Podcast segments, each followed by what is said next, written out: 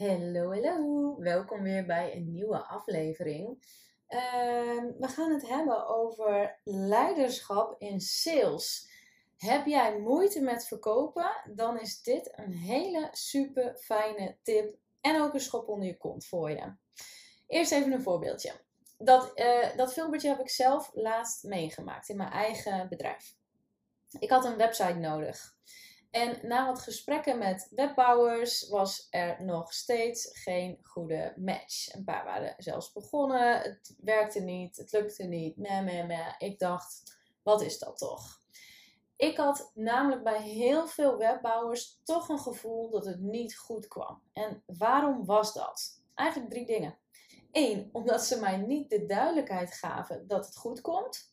Twee, omdat ze constant aan mij vragen: wat wil jij? Uh, en ik denk dan als klant: hallo, jij bent de expert, vertel, vertel het mij maar wat er moet gebeuren. En drie, te veel opties. Dit is mogelijk, maar dat kan ook. Of als je dit zou willen, kan ik dat ook doen. Bla bla bla bla bla. En dan komt ook nog vaak de vraag: of wil je misschien liever dat? Nou, oké, je merkt het al, heel veel frustratie. En toen kwam Annette op mijn pad. En Annette is echt een hele fijne, goede webbouwer, webdesigner. En ik heb iets heel moois van haar geleerd. Ik stuurde haar een heel simpel bericht. Ik stuurde: Ik moet een nieuwe website. en Annette belde mij direct en ze vroeg wat mijn doelen zijn. Ze vroeg door om mij heel goed te leren kennen. We hebben wel een uur gesproken. En daarna deed ze haar aanbod. Ze zei: ik kan een website voor je maken in zes weken tijd. Ik heb deze dingen van jou nodig. Dit is wat je van mij kan verwachten. We hebben x aantal sessies, die plan ik voor jou in. Hoef je niks voor te doen. En wat jij wel moet doen, is de teksten op deze datum aanleveren en opkomen dagen tijdens de sessies. Punt. En toen noemden ze de prijs. Echt heerlijk. Iemand die mij gewoon een keer vertelt wat ik moet gaan doen. Wat er gaat gebeuren de manier hoe ze duidelijk en simpel vertelde wat we gingen doen, gaf mij dus direct vertrouwen. De prijs maakte mij eerlijk gezegd geen drol uit. Ik wil gewoon kwaliteit. Ik wil met iemand werken waar ik van op aan kan. En dat is wat Annette deed. Dat noemen we leiderschap tonen in een gesprek. Of dat nou een salesgesprek is of waar dan ook maar. Ik hou ervan als iemand leiderschap toont, dan weet ik dat het een expert is. En dat kan jij ook doen met jouw klant. Drie stapjes, heel simpel. Schrijf ze maar op. 1. Hou je mond dicht en luister naar de klant. 2. Vraag goed door wat je klant belangrijk vindt en doe hierin geen aannames. Daar ga ik zo eventjes nog wat over vertellen. En 3. Geef oprecht advies aan de hand van de doelen waarvan jouw klant zelf zei dat ze die belangrijk vindt om na te streven.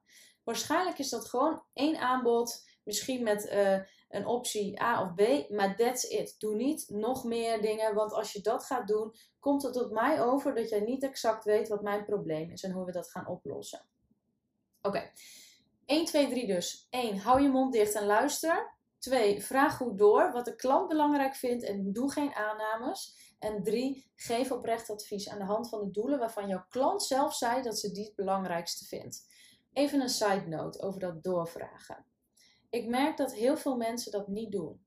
Een voorbeeldje. Hoe zou jij het vinden als jij mijn coachee zou kunnen worden? We zijn in een salesgesprek en ik vraag aan jou: wat wil jij gaan doen? Waar wil je mee aan de slag? En jij zegt tegen mij: ik wil mijn omzet verhogen. En ik zeg direct: oké, ik kan je daarmee helpen. Ja, ik ben bewust even stil. Ik wil even dat je erover na gaat denken.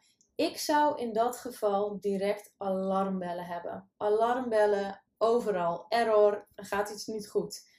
Want hoe weet ik dan als jouw coach dat ik je daarmee kan helpen? Laat staan hoe ik jou daarmee ga helpen. Je hebt me namelijk nog helemaal niets verteld. Ik moet aan jou doorvragen hoeveel omzet draai jij nu op dit moment en waar wil je naartoe? Wanneer wil je dat dit bereikt is? Wat heb je ervoor over in tijd, moeite en geld? Hoe belangrijk is het eigenlijk voor jou dat je dit doel gaat bereiken? En wat geeft het jou dan uiteindelijk als je dit doel hebt bereikt? Waar wil je nou uiteindelijk echt naar streven? Nou, je hoort het al. Als iemand dus niet doorvraagt, dan kunnen ze je nog niet goed helpen.